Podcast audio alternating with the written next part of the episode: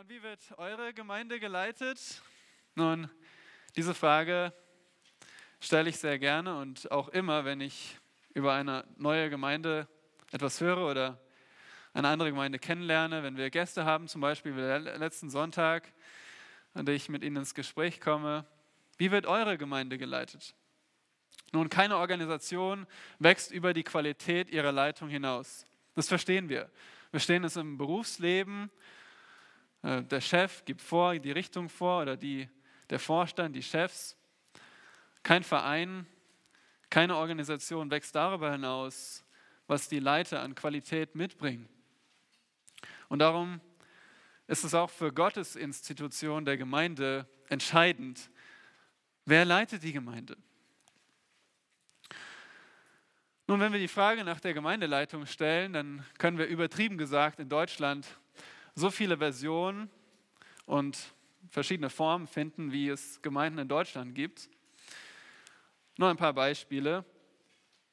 Ich habe gestern mal äh, gesucht im Internet. Eine evangelische Kirchengemeinde in Lichtenberg hat drei Pfarrer, 15 Älteste und drei Ersatzälteste, alle männlich oder weiblich.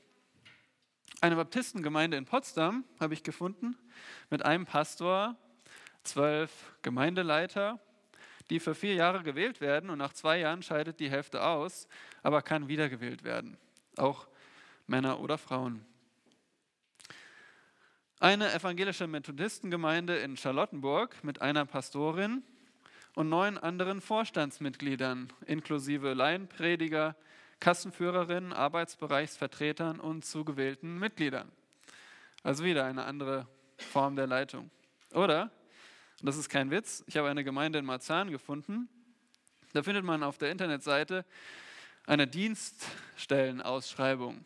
Und zwar wird gesucht, Zitat, gesucht. Gemeindeälteste, Diakone, Dienststellenleiter, Schriftgelehrte, Bibellehrer, Evangelisten und Hirten. Also, vielleicht wäre das was. Also ein wahrer Zoo an Leitungsformen finden wir in, in Deutschland, in Gemeinden, allein hier in Deutschland. Und wenn die Antworten nach der Frage, wer leitet die Gemeinde, schon so vielfältig ausfällt, äh, wie sollen wir erst wissen, wie die Gemeinde geleitet werden soll? Und da müssen wir, müssen wir da erst alle möglichen Bücher lesen zu diesem Thema. Auch da ein, ich habe eine kurze Suche gemacht. Man findet Bücher wie Führungskraft, die fünf entscheidenden Fähigkeiten. Oder Leadership, die 21 wichtigsten Führungsprinzipien. Oder vier Führungsprinzipien der Bibel.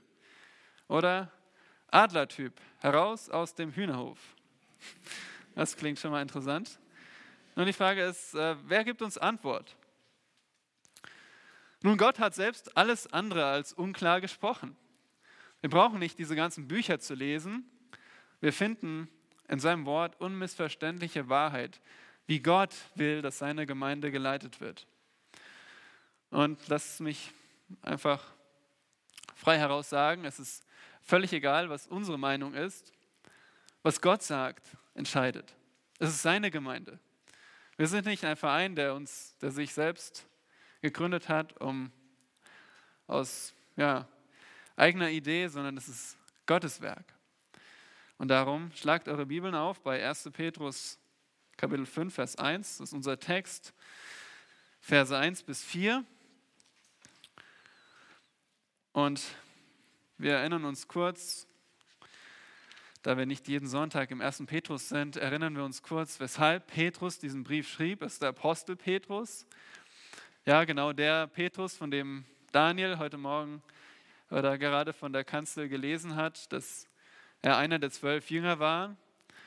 Und er schrieb diesen Brief an ein sehr großes Gebiet, nämlich an die Gemeinden in Kleinasien.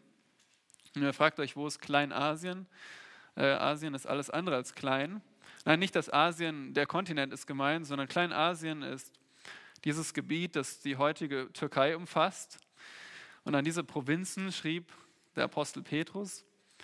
Und ihr könnt euch vorstellen, äh, wir wissen allein von mehreren Gemeinden, äh, von sieben Gemeinden in der Provinz Asia, in Kleinasien. Also es gab sicher viele Gemeinden dort. Und so schreibt Petrus an eine, nicht nur an eine Gemeinde, sondern an viele Gemeinden und spricht alle Gläubigen an in diesem Gebiet. Er schrieb wohl kurz oder vor oder nach dem Brand in Rom, 64 nach Christus. Ihr wisst, das ist die erste staatliche Christenverfolgung. Und so schreibt Petrus an verfolgte Christen. Denn auch in Kleinasien waren die Christen verfolgt. Sie wurden wohl noch nicht hingerichtet oder so.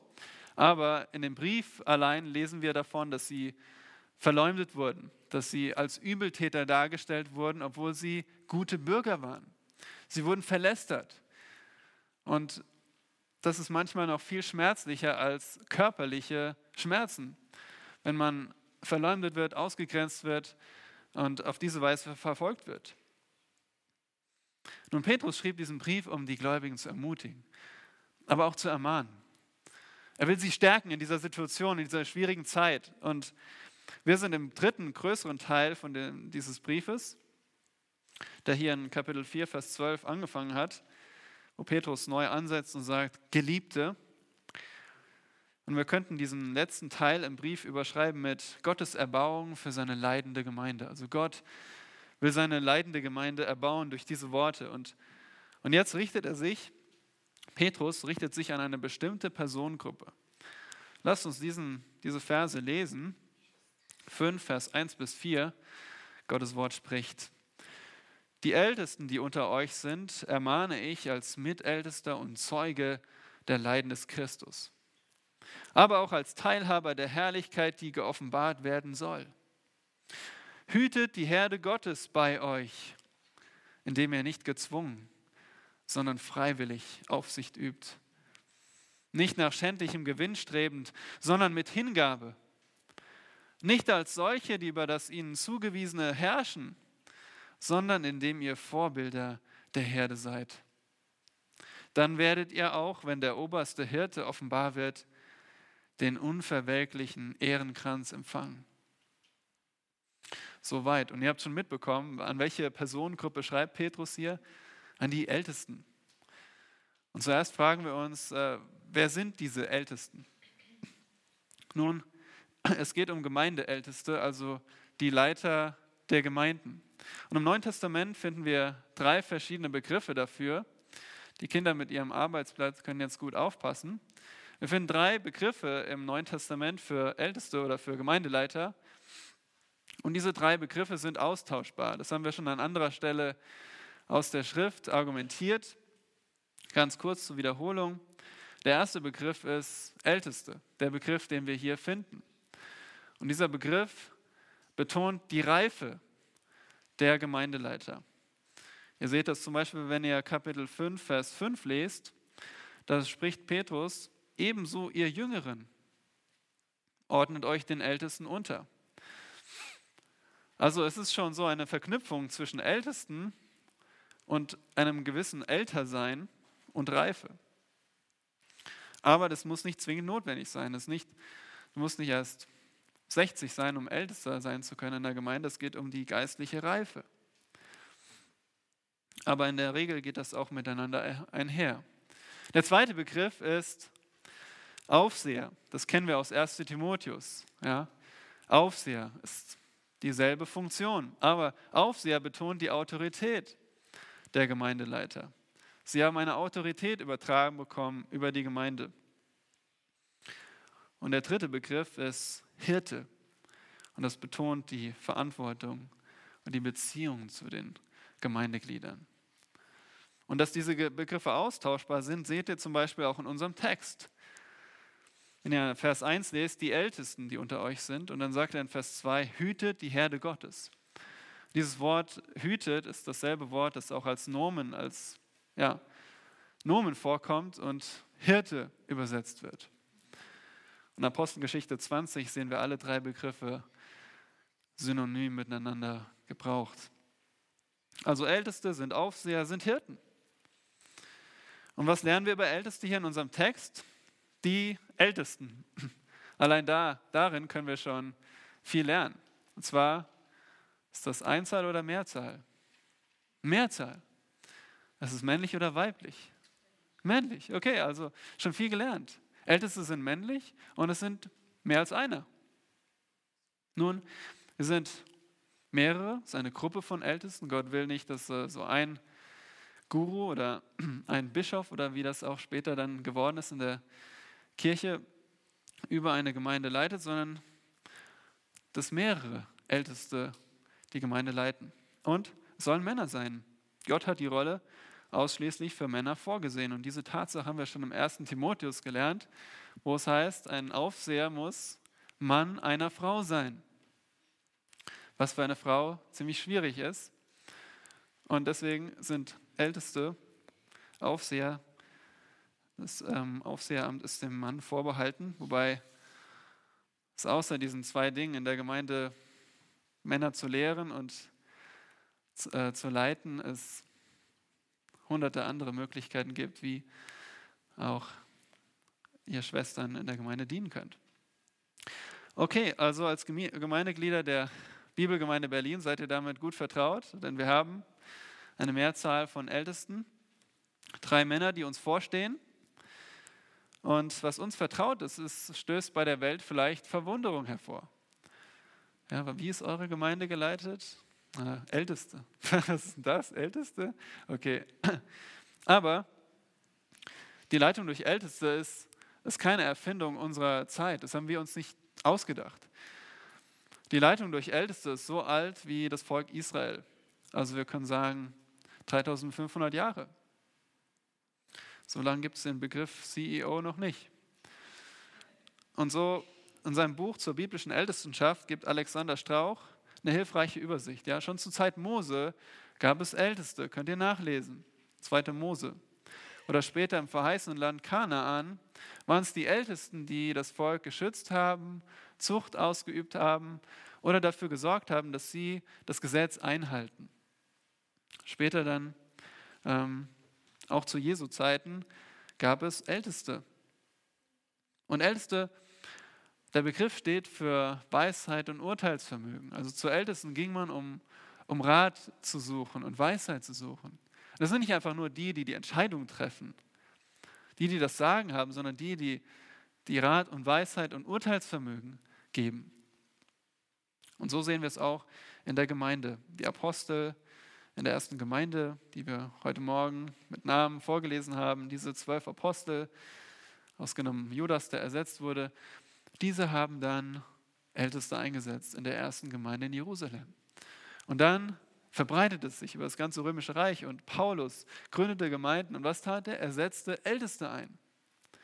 Und so haben wir es heute immer noch. Das ist Gottes Plan für seine Gemeinde und diesen Plan wollen wir besser kennenlernen und heute kennenlernen und anwenden. Und darum lass uns gemeinsam vier Dimensionen des Ältestendienstes kennenlernen, um ihn anzunehmen anzustreben oder auszuüben.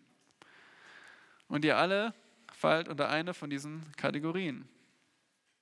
Entweder ihr seid Älteste, die sind heute nicht da, oder ihr strebt diesen Dienst an, ihr habt den Wunsch, einmal Ältester zu sein, oder ihr seid unter dem Ältestendienst und sollt ihn annehmen. Und so können wir diese vier Dimensionen mit vier Richtungen verknüpfen so können wir uns das besser einprägen. Und echte Älteste blicken zuerst nach oben. Ja. Sie strecken sich zu den Seiten. Sie achten auf das Innere und sie blicken nach vorne. Ja. Also oben die Seiten, innen und nach vorne. Das ist kein Flugbegleiter, sondern das sind diese vier Dimensionen, die wir uns anschauen wollen.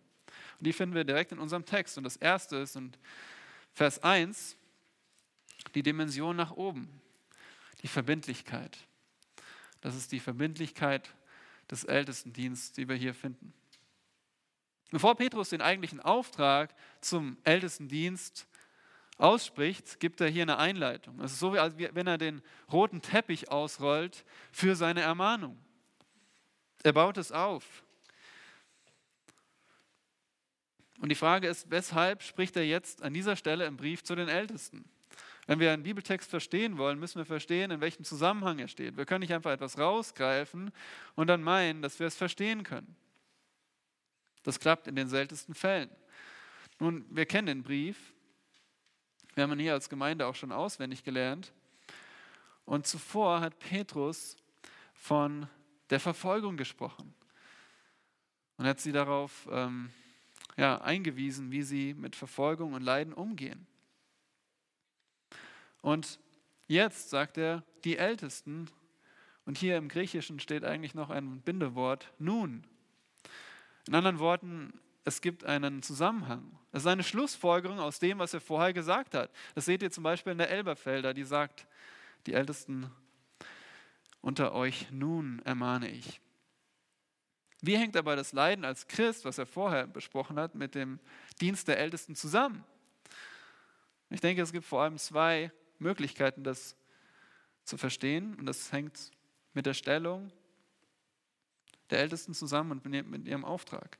Das erste ist, in äh, Kapitel 4 haben wir gelernt, Vers 17, dass, die, dass das Gericht beim Haus Gottes beginnt. Wir haben das erklärt. Das Haus Gottes ist ein Begriff für die Gemeinde. Und das Gericht ist hier nicht, dass Gott die Gemeinde straft, sondern dass er sie reinigen will durch schwere Zeiten, durch Verfolgung zum Beispiel. Er hat eine gute Absicht, er will die Gemeinde reinigen, er will uns läutern. Und jetzt fragt euch mal, wer repräsentiert eine lokale Gemeinde? Die Ältesten. Und darum beginnt dieses Gericht, dieses läuternde Gericht bei den Ältesten. Sie sind im Fokus. Und deswegen spricht Petrus die Ältesten auch an. Und das Zweite ist, nun, ganz klar, die Briefempfänger erlebten Verfolgung, erlebten schwere Zeiten. Ja, wir haben manchmal Probleme, aber die sind verglichen mit diesen Schwierigkeiten, die die Briefempfänger erfuhren, sehr viel geringer. Stellt euch vor, eine Gemeinde voller verfolgter Christen. Da gibt es viel zu tun für Älteste. Ja? Die Ältesten sind die, die sich um die Schafe sorgen. Und so spricht er deswegen jetzt die Ältesten an. Nun, was ist die Verbindlichkeit des Ältestendienstes? Wir finden hier eine dreifache Verbindlichkeit. Paul, äh, Petrus, besser gesagt, bezeichnet sich auf dreifache Weise. Ja? Und das findet ihr im Text. Als, als Mitältester, als Zeuge und als Teilhaber. Und diese gehen wir kurz durch. Der Mitälteste. Mit wem zusammen ist Petrus Mitältester, fragen wir uns. Nun mit den Ältesten in Kleinasien. Obwohl er räumlich getrennt ist von ihnen, ist er doch im Dienst mit ihnen verbunden. Wir haben denselben Dienst. Wir sind, wir sind Älteste. Ich bin Ältester und ihr seid Älteste. Petrus ist, er schreibt nicht als Maurer zu Ärzten. Er weiß, worum es sich handelt beim Ältestendienst. Denn er ist schon selbst seit der Geburt der Gemeinde ein Ältester.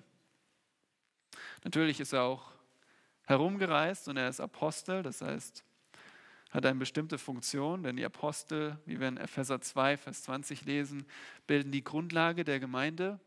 Ihre Lehre ist das, was wir jetzt als Neues Testament haben und was Wort Gottes ist, inspiriertes Wort Gottes. Und trotzdem hat er auch diese Funktion eines Ältesten. Er kennt das. Und wir fragen uns, von wem hat er eigentlich diesen Ruf zum Hirtendienst empfangen? Da erinnern wir uns an welche Stelle? Nach der Auferstehung, oder? Johannes 21.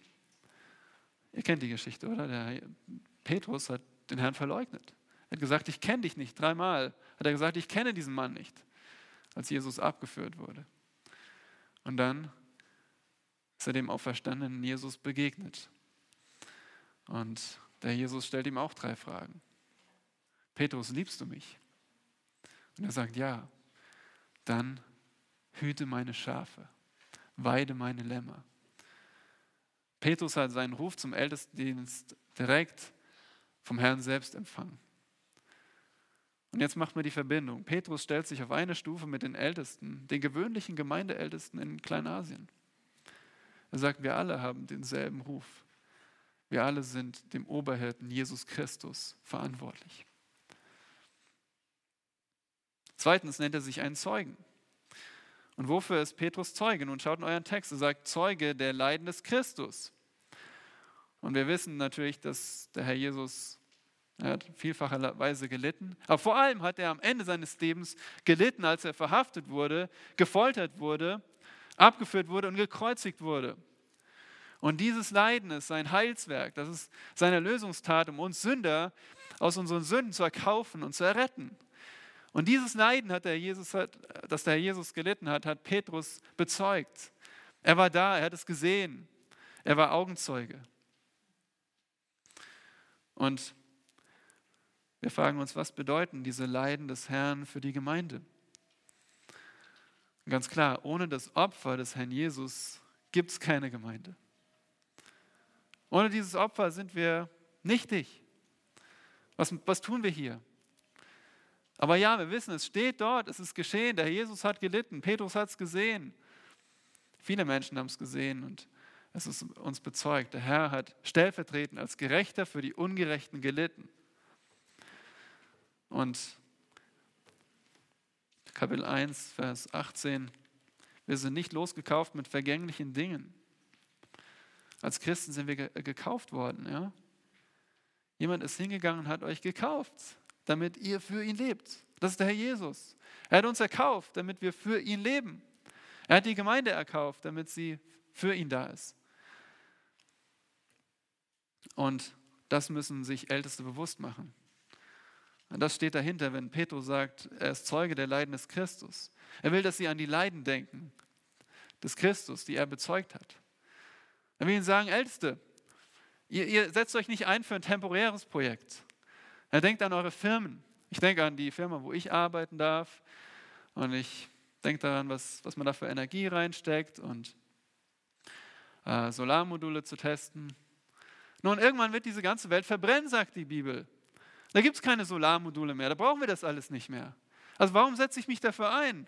Nun, das ist gut, weil ich dadurch den Herrn ehren kann und ihr auch mit eurem Job. Aber Gemeindeälteste setzen sich nicht für ein temporäres Projekt ein. Die Gemeinde wird nicht verbrennen, denn die Menschen, in die sie investieren, werden für ewig bleiben. Und darum, Älteste, macht euch bewusst, ihr dient nicht für ein temporäres Projekt.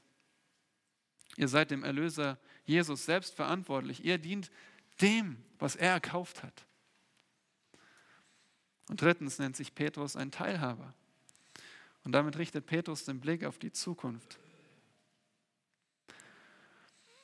Er zeigt ihnen, was in der Zukunft auf jeden Fall kommt, nämlich er sagt, Teilhaber der Herrlichkeit, die geoffenbart werden soll. Ja, geoffenbart werden wird, besser gesagt. Das ist hier eine Zukunftsform. Das wird so kommen. Herrlichkeit wird geoffenbart werden. Und das ist ermutigend. Denn so wie jeder Christ wird auch Petrus diese Herrlichkeit ähm, sehen. Herrlichkeit ist die Schönheit aller Perfektionen Gottes zusammengenommen. Und Petrus sagt, ich werde nicht nur diese, werde nicht nur Beobachter sein, sondern ich werde teilhaben, ja. Und das gilt auch für uns als Christen. Und dazu kommen wir noch in unserem Text. Ihr habt schon gesehen, Herrlichkeit oder in der Schlachter 2000, die ich gelesen habe, seht ihr es nicht, aber das Wort Herrlichkeit kommt nochmal vor.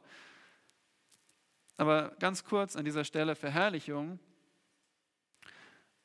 bedeutet vor allem zwei Dinge, denn unsere Seele und unser Körper werden verherrlicht werden, wenn wir beim Herrn sind. Wir werden von der Sünde befreit werden und, und nur noch ja, eine vollkommene Seele haben, ohne die ohne die Sünde, aber auch unser Körper wird unvergänglich sein. Und Älteste müssen begreifen, zu welchem Ziel sie unterwegs sind. Ja.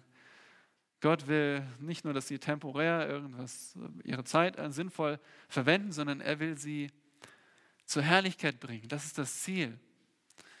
Und das ist, gerade wenn man auch vielleicht als Ältester so drinsteckt in den Schwierigkeiten des Dienstes, müssen sie nach vorne blicken, was kommt. Ja? Dafür tun sie das. Der Herr hat das Ziel festgelegt und die Ältesten sind ihrem Vollender Christus verantwortlich. Verbindlichkeit. So wichtig und das Grundlegende für den Ältestendienst. Und ein Beispiel, an das ich denken musste, ist zum Beispiel John Bunyan, ein Puritaner im 17. Jahrhundert. Er hat ein Buch geschrieben, das Bestseller ist, immer noch.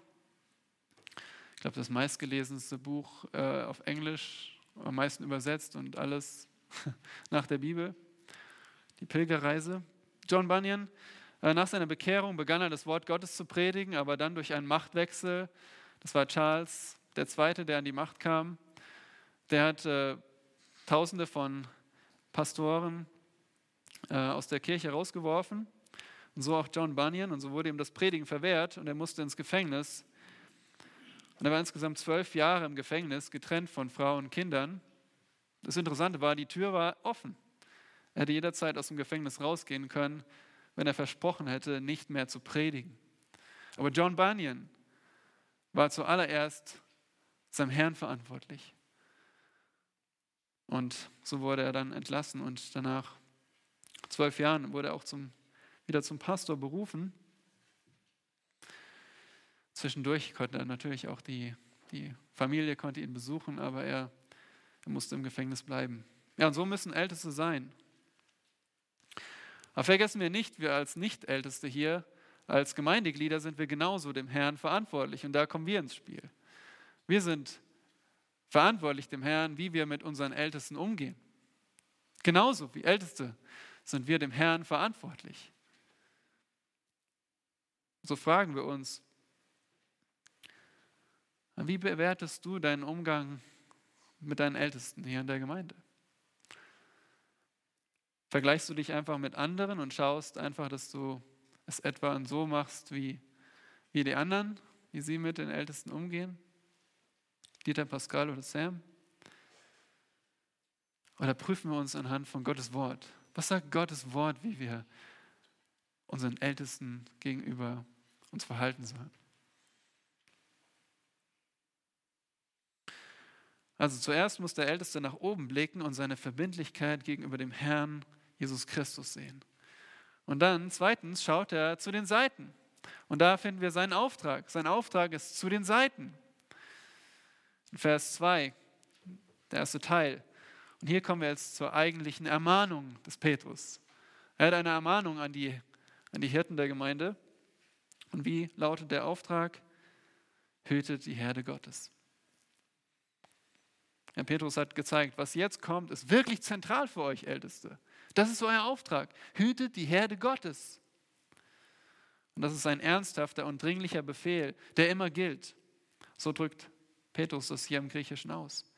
In anderen Worten, ihr Ältesten, egal wie es euch geht, egal welche Schwierigkeiten ihr gerade habt, egal wie lange ihr schon im Dienst steht oder egal wie sich eure lokale Gemeinde entwickelt, Egal wie beliebt ihr seid, egal wie viel Druck ihr habt, hütet die Herde Gottes. Das müsst ihr tun. Und bei dem Wort hüten denken wir automatisch an einen Hirten. Aber gleichzeitig verstehen wir, dass Älteste nicht auf dem Feld rumlaufen mit Schafen, mit Tieren, sondern dass es hier um Menschen geht. Und so wird das Wort hüten bildlich gebraucht für aufpassen, auf Menschen aufpassen. Und das sehen wir schon im Alten Testament. Ich bin das mal durchgegangen. Das Wort hüten finden wir da als geläufigen Begriff für Regierende. Ja, Jahwe wählte sich David, damit er Israel hütet. Oder der Psalmist lobt Davids Regierung als jemand, der das Volk in aller Treue weidete. Jeremia rügt äh, die untreuen Leiter als schlechte Hirten. Und ihr kennt vielleicht das Kapitel Hesekiel 34, wo es um dieses bekannte Kapitel, wo es um Hirten geht in Israel. Und da werden die selbstsüchtigen Hirten Israels gerichtet. Und dann sagt Gott in Jesaja, dass er in der Zukunft kommt, um sein Volk zu hüten. Der Gott ist der perfekte Hirte. Er wird wieder treue Hirten über Israel setzen. Was lernen wir von diesem Überblick über das Alte Testament? Nun, dass Hirtenregenten sind mehr als Entscheidungsträger. Die Könige damals, es waren Diener, denen Gott übertragen hat, nicht nur Entscheidungen zu treffen, sondern für das Wohl der anvertrauten Menschen zu dienen. Und wir fragen uns, was bedeutet das für Älteste in der Gemeinde? Nun, keine Angst, Älteste in der Gemeinde sind keine Könige, die regieren, die eine Krone aufhaben, aber sie sind genauso Menschen, die nicht nur Entscheidungen treffen, sondern die nach Gottes Plan sich um das Wohl der Gemeindeglieder sorgen. Und welche Menschen sind ihnen zugeteilt? Ihr seht es im Text. Hütet die Herde Gottes. Das ist Gottes Herde. Das ist nicht ihre Herde. Es gehört Gott. Und interessanterweise steht hier eine Verniedlichung, also etwa kleine Herde. Das drückt aus, dass die Gemeinde kostbar ist in Gottes Augen. Hütet die kleine Herde. Gott erwartet sich Ertrag. So wie gestern habe ich einen Prediger dazu gehört und der hat gesagt, ja, ähm, denk mal an das Beispiel von Laban im Alten Testament, der, der Jakob seine Herde übertragen hat, damit, damit am Ende die Schafe gesund sind und mehr Schafe bei rauskommen. Ja, also Gott hat auch einen Sinn. Er will nicht nur, dass Älteste aufpassen, dass nichts passiert, sondern dass die, dass die Schafe gesund sind, dass sie sich multiplizieren. Und er sagt, hüte die Herde Gottes bei euch. In anderen Worten, die Herde ist unter euch aufgeteilt. Er schreibt ja nicht nur an eine Gemeinde, er schreibt an viele Älteste in vielen Gemeinden. Das heißt, die Herde Gottes ist aufgeteilt in kleine oder einzelne lokale Gemeinden. Und so sind Älteste, haben Verantwortung über die lokale Gemeinde, der sie vorstehen. Das Neue Testament kennt keine übergeordnete Struktur über den Gemeindeältesten. Es gibt nicht da ein Gremium und Synoden und alles. Finden wir nicht. Das ist eine Erfindung des Menschen. Also, Älteste sollen die Herde hüten. Und an dieser Stelle müssen wir das Bild des Schafehütens besser verstehen, denn ich nehme an, wir sind nicht alle hier Hirten gewesen. Versetzt euch also mal für einen Moment in die Rolle eines Hirten, der seine Schafe über, die, über den Hügel treibt. Ich selbst war auch kein Hirte, ich war nur mal im Zivildienst in der Mongolei und durfte mal ein paar Tage richtig auf dem Land sein bei einer Nomadenfamilie und dabei sein, wie Schafe gehütet werden. Das war sehr interessant. Aber hier schreibt jemand folgende Beschreibung. Schafe sind schöne und besonnene Tiere, aber sie haben keinen Sinn für Richtung. Nur ein paar Kilometer von zu Hause sind sie hilflos verloren. Schafe sind instinktive Nachfolger und leicht zu verführen. Sie verbringen die meiste Zeit ihres Lebens mit Fressen, doch ohne sich zu kümmern, was sie eigentlich fressen. Sie können nicht zwischen giftigen und genießbaren Pflanzen unterscheiden. Schafe fressen in einem bekannten Gebiet, erkunden jedoch keine neuen Gebiete und würden ohne Führung grüne Weiden bis auf die Erde kahl fressen. Trinken können Schafe nur langsam fließendes, klares Wasser mit leichtem Zugang, nicht zu heiß oder zu kalt oder zu schnell. Und ihr kennt die Wolle der Schafe, die enthält Wollwachs, das den Dreck nur anzieht.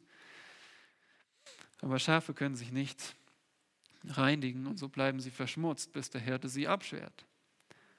Zu nasser Boden verursacht bei Schafen Darmkrankheiten und Fußfäule. Schafkrankheiten sind sehr ansteckend und müssen umgehend eingedämmt werden.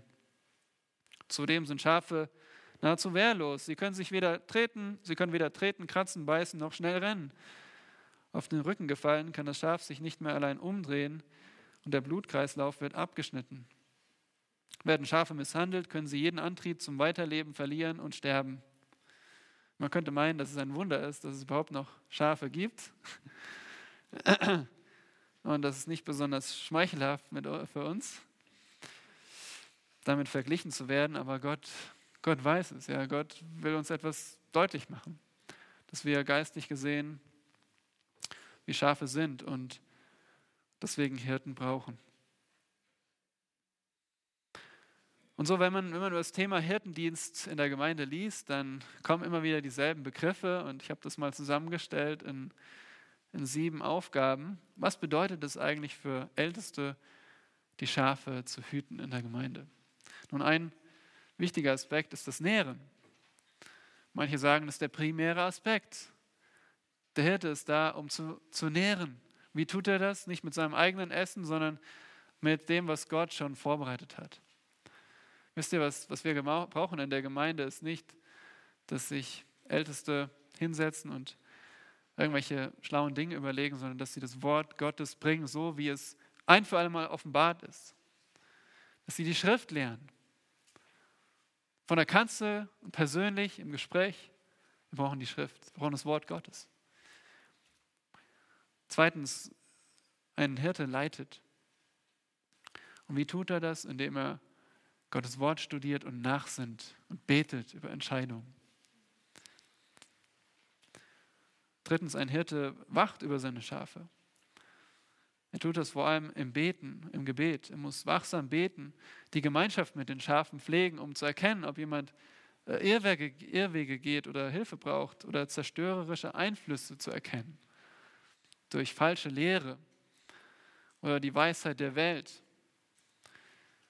Ein echter Hirte schützt seine Schafe, indem er ja auch Sünde offen anspricht, Streit behandelt und falsche Lehre konfrontiert. Fünftens, ein, ein echter Hirte rettet seine Schafe. Er geht den Irrenden nach. Ja, denen, die den Herrn nicht kennen oder denen, die einfach auf Irrwege gehen. Sechstens, er umsorgt seine Schafe, indem er Schwache und Leidende besucht und stärkt und indem er dafür sorgt, dass die ja, Herde sich multipliziert, dass mehr Schafe dazukommen. Dadurch, dass die Schafe selbst das Wort Gottes weitersagen. Und siebtens, über allem ein Hirte liebt seine Schafe. Er liebt sie. Die Liebe wird praktisch. Da sind wir auch schon bei der Anwendung. Wie sieht es bei dir und mir aus? Wir üben keinen Ältestendienst aus, aber wir nehmen ihn hoffentlich an. Wie nimmst du das Ernähren an? Wie nimmst du das Wort Gottes an, das dir verkündigt wird. Wie denkst du darüber nach? Oder zweitens, wie reagierst du auf die Leitung? Vertraust du deinen Hirten? Oder bist du am Zweifeln? Folgst du deinen Hirten? Drittens, was ist, wenn Hirten, unsere Hirten über uns wachen Blocken wir eher ab, wenn sie uns näher kennenlernen wollen oder, oder sind wir offen, mit ihnen Gemeinschaft zu pflegen? Viertens, schützen. Was ist, wenn unsere Hirten Sünde und Fehlverhalten ansprechen, Streit ansprechen, ja, falsche Wege ansprechen? Sind, suchen wir Ausflüchte oder sind wir einsichtig? Dass wir erkennen, okay, es geht um unser Wohl, es geht um unser geistliches Wohl. retten. Lassen wir uns zurückbringen, kehren wir um von unseren Irrwegen, umsorgen. Sind wir dankbar dafür, dass sich unsere Ältesten um uns sorgen, wenn sie uns besuchen oder ja, wenn sie wissen wollen, wie es uns geht. Und siebtens erwidern wir die Liebe, die uns zuteil wird. Nehmen wir es einfach an, wir werden ja schließlich bezahlt, oder erwidern wir die Liebe, die wir bekommen. Gottesfürchtige Älteste blicken zu ihrem Herrn nach oben und sie strecken sich im Dienst zu den Seiten. Und dabei achten sie immer auf ihr eigenes Herz. Und deswegen diese dritte Dimension nach innen. Und hier finden wir den Charakter eines treuen Hirten. Ja, ohne Charakter ist alle Begabung nichts wert. Das mag vielleicht in der Welt nicht so sein, aber beim Hirtendienst, beim Ältestendienst ist es das K.O.-Kriterium. Charakter ist alles. Und so kommt Petrus jetzt von der Ermahnung zur Erläuterung. Er hat sie ermahnt, hütet die Herde Gottes und jetzt beantwortet die Frage, wie? Wie sollen sie das tun? Und er sagt, indem, schaut in euren Text, indem ihr nicht gezwungen, sondern freiwillig Aufsicht übt hier haben wir das Wort Aufseher, Aufsicht. Ähm, ah, interessant. Doch, in diesem Text haben wir auch alle drei Begriffe, fällt mir gerade auf. Wir haben den Ältesten, wir haben den Hirten, Hüten, wir haben den Aufseher. Also noch ein, aber haben wir ja schon bewiesen. Na gut. Aufseher bedeutet, einen Verantwortungsbereich zu übersehen. Und so übersehen Älteste das geistliche Wohl der Gemeinde. Das ist sehr, sehr ähnlich. Ja, Hirtendienst und hütet die Herde und übt Aufsicht. Aber wichtig ist, was jetzt kommt. Petrus beschreibt drei Eigenschaften, ja, drei Charakteristiken von treuen Ältesten. Und die seht ihr in eurem Text. Diese drei Eigenschaften sind mit dem Befehl des Hütens verknüpft. Also der Befehl ist, hüte die Herde Gottes. Und das Verb Aufsicht üben ist verknüpft mit dem Befehl und hat denselben Befehlscharakter. Also wir befinden uns immer noch hier bei dem, was, was Petrus autoritativ befiehlt. Es ist keine Empfehlung. Es ist nicht offen gelassen, wie man Hirtendienst ausführt. Es ist hier klar und deutlich für uns definiert. Das, diese Liste ist natürlich nicht vollständig, aber wir finden drei Charakterzüge. Gott wohlgefällige Älteste müssen freiwillig dienen, freigebig dienen und vorbildlich dienen. Und Petrus ist hier ein Meisterlehrer. Wie lehrt man effektiv? Und man sagt, was man nicht sagt und man sagt, was man sagt. Man verneint und man bejaht. Man sagt so nicht, aber so. Und somit lässt du keinen Raum für Unklarheiten. Es ist klar definiert. Das erste ist freiwillig. Er sagt nicht gezwungen, sondern freiwillig. Auf welchen Zwang könnte er sich hier beziehen? Nun, könnte vieles sein, aber es könnte zum Beispiel sozialer Zwang sein, okay? Nun, irgendjemand muss es ja machen. Das genau nicht. Als Ältester nicht einfach nur aus Pflicht dienen, sondern freiwillig. Oder finanzieller Druck. Ihr wisst, dass Gott auch bestimmt hat, dass Älteste versorgt werden, nach Möglichkeit von der Gemeinde finanziell für diesen Dienst, den sie tun. Aber das darf niemals der Zwang sein, dass man aus finanziellem Druck jetzt den Ältestendienst tut. Nein, ein Ältester soll ungezwungen dienen, freiwillig, also aus eigenem Antrieb, weil er das möchte, weil er diesen Wunsch hat. Und Petrus fügt noch hinzu, Gott gemäß. Das seht ihr in eurer Schlachterübersetzung nicht. Wer die Elberfelder hat, sieht das. So steht es auch im griechischen Grundtext. Hütet die Herde Gottes Gott gemäß. Also Gott ist hier der Standard, wie der Dienst ausgeführt wird. Was ist der zweite Charakterzug? Freigiebig. Finden wir hier im Text. Nicht nach schändlichem Gewinn strebend, sondern mit Hingabe. Anders gesagt, ähm, eifrig kann man auch übersetzen. Und hier haben wir den klassischen Kontrast zwischen geben und nehmen. Ja, worauf sind Älteste aus? Wollen sie vor allem bekommen und nehmen oder wollen sie geben? Was sagt das Herz? Geld an sich ist nicht schlecht, aber Petrus warnt hier vor der Gier, vor dem Selbstsüchtigen. Ich will zuerst den eigenen Gewinn haben. Petrus warnt vor diesen Männern, die auf diese Weise Älteste sein wollen. Negative Beispiele gibt es im Namenschristentum genug. Ähm, sicher nicht nur in Amerika.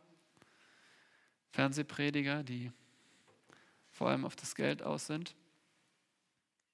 Nein, sicher auch in kleineren Gemeinden. Davor müssen wir uns hüten, vor solchen, die unlautere Mittel benutzen, um zu betrügen, um sich selbst zu bereichern. Stattdessen sollen Älteste eifrig mit Hingabe dienen, also ein, ein eigenes emotionales Verlangen danach haben, zu geben, zu dienen. Und deswegen können wir das gut als freigiebig zusammenfassen. Wer nicht gerne gibt, egal ob Zeit, Geld oder Kraft, kann dem Herrn nicht gefallen. Das gilt nicht nur für Älteste, sondern auch für uns. Wenn wir nicht gerne geben, dann folgen wir nicht dem Herrn Jesus nach, der gesagt hat, geben ist seliger als nehmen. Der Herr Jesus hat es mit seinem Leben gezeigt. Und der dritte Charakterzug ist vorbildlich. Ihr seht das hier in Vers 3. Nicht als solche, die über das ihnen zugewiesene herrschen, sondern indem ihr Vorbilder der Herde seid. Was ist das ihnen zugewiesene? Natürlich der Anteil, den Gott ihnen übertragen hat, also die Gemeinde, den sie, den sie vorstehen als Älteste. Damals waren es zum Beispiel die Gemeinden in Lystra, Ephesus, Philadelphia, heute ist es die Bibelgemeinde oder die ECG oder die Bibelgemeinde meine das ist der Anteil, den Gott den jeweiligen Ältesten übertragen hat. Und über diesen Anteil, über diese Gemeinde, sollen sie niemals herrschen. Also in anderen Worten, als Herr aufspielen. Niemals autokratisch ihre Schafe unterdrücken. Wir denken bei diesem Wort an den Herrn Jesus, wie er auf dem Weg ist nach, nach Jerusalem und, und seine Jünger wissen, jetzt geht es nach Jerusalem und sie äh, haben schon diese Vorahnung, der Herr Jesus setzt sich auf den Thron und sie streiten sich darum, wer der Größte ist, wer diese Vormachtstellung hat bei ihnen. Und der Jesus sagt, hört ihr Jünger, ihr unter euch soll es nicht so sein wie bei den Heiden. Er sagt, ihr wisst, dass die Fürsten der Heidenvölker sie unterdrücken. Hier ist dasselbe Wort für herrschen, wie hier für herrschen. Unter euch soll es nicht so sein, sondern wer unter euch groß werden will, der sei euer Diener. Ja. Gottes Idee von Aufsicht hat nichts mit Drohungen, Einschüchterung oder Machtdemonstration zu tun. Ja. Wie wenn es in der Firma nicht läuft, jemand widerspenstig ist, dann wird der Chef eben lauter. Ja. Nee, bringt nichts. Das ist nicht Gottes Weg. Nicht über das zugewiesene Herrschen. Im Gegenteil, echte Älteste leiten durch Vorbild. Wahre Leiter erkennt man daran, dass ihnen Menschen folgen, sonst bist du kein Leiter. Das ist wie mit dem Beispiel des Seils, das Pascal schon gebraucht hat. Ja, mit dem Seil kannst du niemanden anschieben, kannst nur hinterherziehen. Und so ist es mit dem Vorbild. Älteste leiten durch ihr Vorbild.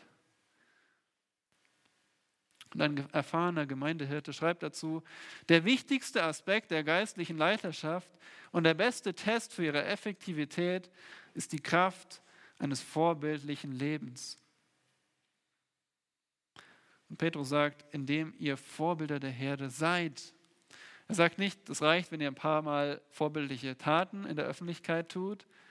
Nein, früher oder später kommt es raus, wer ihr wirklich seid. Ihr müsst Vorbilder sein. Es muss euer Charakter sein. Da sind wir auch bei uns. Wie, wie steht es mit uns? Wir, wir sollen nicht nur Vorbildlichkeit von unseren Ältesten erwarten, ja, sondern sie sind Vorbilder für uns. Das heißt, wir sollen ihrem Vorbild nachfolgen. Das sind beide Seiten. Wo unsere ältesten Vorbilder sind, da sollen wir ihnen nacheifern. Also die Frage ist, wie dienst du in der Gemeinde? Dienst du freiwillig oder dienst du eher gezwungen? Also damit, ja, man, ist ja so Gruppenzwang, dass man irgendeinen Dienst hat oder so. Trifft das zu? Oder dienst du freigebig? Ja, hast du Freude daran, zu geben in deinem Dienst? Auch wenn es Anstrengung erfordert. Und dienst du vorbildlich? Bist du ein Vorbild für andere in deinem Dienst, den du hast? Egal, ob es hier vorne auf der Bühne ist oder wo, wo man es nicht so sieht. Der Herr sieht uns in unserem Dienst. Und das Wunderbare in Gemeinde ist, dass wir alle dienen. Und da merken wir, wie dieser Text auch für uns sehr hilfreich ist. Also gottesfürchtige Älteste blicken zu ihrem Herrn nach oben, sie strecken sich zu den Seiten, sie achten immer auf den inneren Charakter. Und jetzt kommen wir zu der vierten Dimension und die ist nach vorne. Die Belohnung. Petrus blickt jetzt in Vers 4 auf die zukünftige Belohnung für Älteste. Älteste, wie jeder Christ, leben nicht für den diesseitigen Ruhm, für die Ehre, die ihnen zuteil wird, sondern sie strecken sich aus nach der zukünftigen Belohnung, die für sie gewiss ist. Das ist wirklich ein interessanter Punkt. Ich hoffe, ihr seid seid dabei, denn hier kommt eine wichtige Wahrheit. Wir müssen uns immer vor Augen führen, in welcher Zeit Petrus schrieb. Es war eine Zeit der Verfolgung. Ja? Unglaublich schwere Zeit für diese Gemeinde. Und das reinigende Gericht beginn, begann bei der Gemeinde, vor allem bei den Ältesten. Also zusätzlich zu der inneren Sündhaftigkeit, die bei jedem Gemeindeglied und den Ältesten vorhanden war, hatten sie jetzt noch diese äußere Feuerprobe. Und die Frage, was motiviert die Ältesten weiterzumachen in ihrem Dienst? Und Petrus ermutigt sie mit Vers 4, die zukünftige Belohnung, die ihnen zuteil wird, wenn Vers 2 und 3 wahr ist, wenn sie die Herde hüten auf die Weise mit dem Charakter, wie Gott es will. Nun schaut in den Text. Dann werdet ihr auch, wenn der oberste Hirte offenbar wird. Wer ist der oberste Hirte? Nun, dieser Begriff wird auch verwendet in Hebräer 13, Vers 20. Da steht es eindeutig, der oberste Hirte, Jesus Christus. Aber wir finden es auch an anderen Stellen. Ja, wir denken an Johannes 10. Ich bin der gute Hirte. Da Jesus ist der oberste Hirte. Und er wird erscheinen, er wird offenbar werden. Und die Frage ist, wann wird der Herr Jesus offenbar und sichtbar erscheinen? Und ihr wisst, es gibt vor allem zwei Möglichkeiten, die wir kennen. Der Herr Jesus kommt wieder. Er ist gestorben, er ist auferstanden und er kommt wieder sichtbar. Und zwar, Amen, zum einen für die Gläubigen, unsichtbar in die Luft, sagt 1. Thessalonicher 4, um die Gläubigen vor der Trübsalzeit zu sich zu holen. Das nennen wir die Entrückung.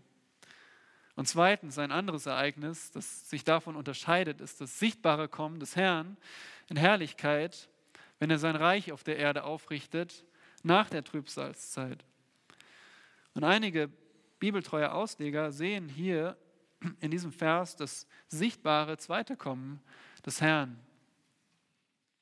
Aber ich bin nicht ganz überzeugt, denn wie wird das Ereignis beschrieben? Das heißt doch hier, wenn der oberste Hirte offenbar wird, werdet ihr den unverwelklichen Ehrenkranz empfangen. Also es geht um den Zeitpunkt, wenn die Gläubigen belohnt werden. Und aus Stellen wie 2. Korinther 5 oder 1. Johannes 3 auch sehen wir, wann bekommen wir unseren Lohn? Wenn wir beim Herrn sind, wenn wir ihn sehen. Und wann wird das passieren? Bei der Entrückung. Wir werden ihn nicht erst sehen, wenn er sichtbar auf die Erde wiederkommt, sondern wir werden bei ihm sein wenn wir von ihm entrückt werden. Wenn wir endlich unseren neuen Leib bekommen, ja, dann werden wir auch belohnt werden vor seinem Richterstuhl. Und darum bin ich überzeugt, dass hier das ja, unmittelbar bevorstehende Kommen Jesu bei der Entrückung gemeint ist. Und dann sagt Petrus, werdet ihr den unverwelklichen Ehrenkranz empfangen. Und empfangen beinhaltet hier den Aspekt der Vergeltung. Also nicht negativ, sondern ja, ihr werdet euch wird vergolten werden. Ihr werdet Lohn empfangen. Und was ist der Lohn? Nun, die Übersetzung hier ist nicht ganz glücklich, denn wörtlich steht hier Kranz der Herrlichkeit. Kranz der Herrlichkeit. So zum Beispiel in der Elberfelder. Dieser Kranz ist hier keine Krone, sondern ein Symbol der Ehre. Damals hat man nicht Medaillen umgehangen oder Orden angeheftet, sondern man hat einen, einen Kranz auf den Kopf gesetzt als Symbol der Ehre. Bei militärischen Ehren oder Sportwettkämpfen kennt ihr das. Damals wurde das verwendet und da gab es vergängliche Materialien wie Efeu, Olive, Eiche, Blumen, Petersilie oder Myrte. Also könnt ihr heute Nachmittag mal ausprobieren, wenn ihr Petersilie habt oder so, bastelt euch einen Kranz. Nein. Aber ja, damals war das so und so auch hier. Hier haben wir ein Bild aus dem ländlichen Leben. Der Oberhirte setzt seinen Unterhirten Kränze auf, als Zeichen der Anerkennung. Und zwar unverwelkliche Kränze. Das ist ganz interessant, das Wort hier ist wörtlich aus Amaranth gemacht. aus Amaranth gemacht steht hier. Warum? Nun, damals galt Amaranth als unverwelkliche Blume. Wenn man sie befeuchtet, lebt die Blume wieder auf. Und so ja, ist dieses Wort unverwelklich, dieses Wort aus Amaranth gemacht. Wir fragen uns, was ist dieser Kranz der Herrlichkeit? Ja? Und ich habe viel darüber nachgeforscht und gedacht was damit gemeint ist. Und schließlich stimme ich zu mit den anderen bibeltreuen Auslegern, dass Petrus hier den Kranz als Herrlichkeit selbst bezeichnet. Und was meine ich damit? Grammatikalisch kann man es so übersetzen, verstehen. Dann werdet ihr auch, wenn der oberste Hirte offenbar wird, den unverwelklichen Kranz, nämlich Herrlichkeit, empfangen. Der Kranz ist nicht ein materieller Kranz, den wir aufgesetzt bekommen, sondern die Herrlichkeit selbst ist der Kranz. Die Herrlichkeit selbst ist der Lohn für Älteste. Und ja, ich habe mich gefragt, ihr vielleicht auch, wie ist jetzt dieser Lohn anders für Älteste als für uns? Und die einfache Wahrheit ist, überhaupt nicht. Denn wer bekommt Herrlichkeit? Nur die Ältesten? Nein, wir alle werden verherrlicht werden. Und so arbeiten Älteste nicht für einen zusätzlichen Lohn. Sie machen das nicht, um nachher im Himmel irgendwie abgehoben zu sein von anderen Christen. Natürlich wird unser Lohn auch unterschiedlich sein, je nach Treue, sagt der Herr. Aber Älteste, die nicht jetzt, sie reiben sich jetzt nicht auf, um irgendwann im Himmel eine Business Class zu erreichen, während alle anderen Economy sind. Nein. Ihr Lohn ist einfach dasselbe, was alle bekommen. Und das ist ihnen genug. Herrlichkeit ist genug. Und deswegen lass mich kurz erklären, was die Bibel mit Verherrlichung meint. Es ist der Kern unserer Hoffnung. Weil alle jetzige Herrlichkeit ist vergänglich. Sagt Petrus in Kapitel 1, alle Herrlichkeit des Menschen ist wie die Blume des Grases. Genau, alle Herrlichkeit ist wie Gras, lass uns, alles Fleisch ist wie Gras und alle Herrlichkeit des Menschen wie die Blume des Grases. Das Gras ist verdorrt und seine Blume abgefallen, aber das Wort des Herrn bleibt in Ewigkeit. Wisst ihr, alle Herrlichkeit dieser Welt vergeht, diesmal augenblicklich. Es verdorrt wie Gras. Kenntnis und Kreativität nimmt wieder ab in diesem Leben. Wenn ihr älter werdet, merkt ihr das. Also ich noch nicht, oder? ich auch schon, aber Harmonie kann leicht zerbrechen durch Sünde, ja. Familien, harmonische Familien können leicht zerbrechen, Sünde. Einstige Errungenschaften gehen verloren. Wenn ihr darüber nachdenkt, alles, für was wir uns abrackern in der Welt, oder alle Herrlichkeit, die wir haben können, äußere Schönheit, kann alles, alles vergänglich. Und deswegen ist unsere Hoffnung eine Herrlichkeit, die nicht vergeht. Und das ist unsere Hoffnung. Gott wird uns verherrlichen. Er wird es tun. In der ganzen Bibel ist es verheißen. In dem Alten Testament, im Neuen Testament. Verherrlichung ist der Triumph von Gottes neuer Schöpfung. Und erstens gibt uns Gott, befreit uns Gott von unserem alten Körper und von dem Überrest der Sünde. Warum wir sündigen, ist, weil wir immer noch in diesem alten Leib sind. Wir werden innerlich durch und durch wie Christus sein. Und zweitens schenkt uns Gott einen neuen Körper, der nicht vergeht. Und das ist für uns alle, denke ich, eine wunderbare Ermutigung. Er wird unseren alten Körper in einen neuen umgestalten. Ganz kurz, vier Eigenschaften, die wir aus 1. Korinther 15 lernen. Unser neuer Körper wird unvergänglich sein. Er vergeht nicht. Er geht nicht kaputt. Und zweitens, er ist makellos. Da gibt es keine Unehre. Keine Imperfektion bei dem neuen Körper. Irgendetwas, für das man sich schämen müsste. Er ist nicht unvollständig, er ist komplett makellos. Drittens ist er stabil im moralischen Sinne. Braucht euch nicht zu fragen, werde ich im Himmel mich nochmal gegen Gott entscheiden oder sündigen. Als neue Menschen sind wir moralisch unverwüstbar ohne Sünde und ohne die Fähigkeit zu sündigen. Stabil im moralischen Sinne. Und viertens, in Übereinstimmung mit Gottes Geist. Alles wird so sein, wie Gott es will und wie es seinem Geist entspricht. So ist der neue Leib. Und so werden wir leiblich und geistlich vollkommen Christus ähnlich sein. Und das ist ein wichtiger Punkt. Diese Belohnung ist für Älteste nicht anders als für uns. Sie dienen für denselben Lohn. Mehr brauchen sie nicht und mehr brauchen wir auch nicht. Wir sind aus Gnade gerettet und so ist auch der Lohn aus Gnade. Und was für Älteste genug ist, ist das für uns genug? Geschwister, wir leben nicht für das Diesseits. Ich hoffe, das trifft auf dich zu. Ich hoffe, du lebst nicht nur für das Diesseits. Darf ich dich fragen, ehrlich, was ist die schönste Vorstellung für dich? Was ist die schönste Vorstellung?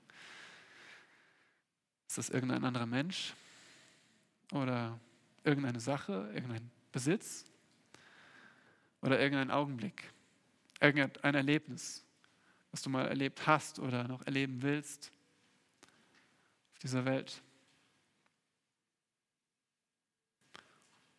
Ist das etwas auf der Erde? Dann frage ich dich, ob du den Herrn kennst. Weil wir alle werden vor dem gerechten Gerichter stehen, der nach dem Tod uns richtet, nach dem vollkommenen Gesetz, seinem Maßstab. Und wer einmal gegen diesen Maßstab verstoßen hat, der hat das ganze Gesetz gebrochen, sagt Jakobus 2. Wie eine Scheibe, die zerbrochen ist. Es braucht nur einen Riss und sie ist kaputt. So verdienen wir Strafe. Aber Gott hat Christus gesandt, um ihn als Stellvertreter für uns zu opfern, dass wir die Strafe nicht tragen müssen, wenn wir auf ihn vertrauen. Gott hat getan, er hat alles getan, um uns als Rebellen mit sich zu versöhnen. Wir können mit ihm versöhnt sein. Das ist nicht nur eine Frage unserer Schuld, sondern unserer Beziehung zu Gott. Weil alle, die in die Herrlichkeit gehen, sind, sind solche, die den Herrn lieben, ja, die für, für die Gott das Größte ist. Und so finden wir Gnade bei ihm, wenn wir von unserer Widerspenstigkeit umkehren. Wir finden höchstes Glück, wir finden die Hoffnung auf die Herrlichkeit. Und ich hoffe für uns alle ist die schönste Vorstellung, wenn wir endlich beim Herrn sind. Das wird alles übertreffen, was wir hier an Herrlichkeit erfahren können, wenn wir endlich verherrlicht sind und bei Christus sind. Das ist die schönste Vorstellung und stärkste Motivation. Und so endet Petrus hier diesen Abschnitt. Aber lasst euch davon nicht irritieren. Es geht gleich weiter mit dem Aufruf an die Jüngeren, sich unterzuordnen. Aber wir haben hier vier Dimensionen gesehen des Ältestendienstes. Nach oben die Verbindlichkeit, zu den Seiten der Auftrag und nach innen der Charakter und nach vorne die, die Belohnung, der Lohn. Und zuletzt habe ich mehrere Bücher zum Thema Älteste gelesen und einer der Schreiber stellt Kandidaten dafür folgende Frage. Wer in deinem Land verkörpert, verkörpert am besten, wie ein Gemeindehirte sein soll? Ich habe darüber nachgedacht. Und ja, kam einfach zu der Antwort Dieter, Pascal und Sam.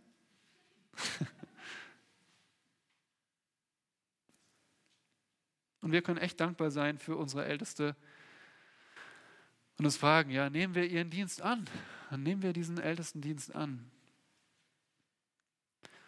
Und in einer erwachsenen Gemeinde ist es auch nur logisch, wenn die Zahl der Ältesten zunimmt. Und darum an dich die Frage, vielleicht prüfst du als Mann deinen Wunsch, einmal ja, in dieser Weise dem Herrn zu dienen.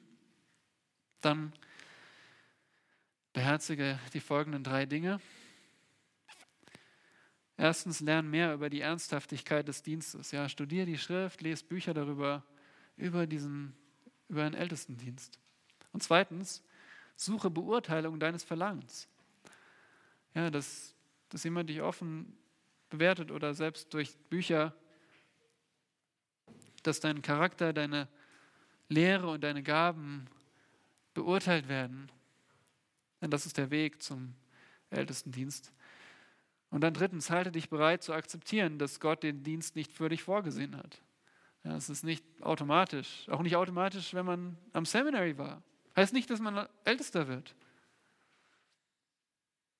Es ist einfach Gottes Plan und Gottes Gnade, wenn es so kommt. Und so möge der Herr weitere treue Hirten, nicht nur hier in der Gemeinde, sondern im ganzen Land erwecken.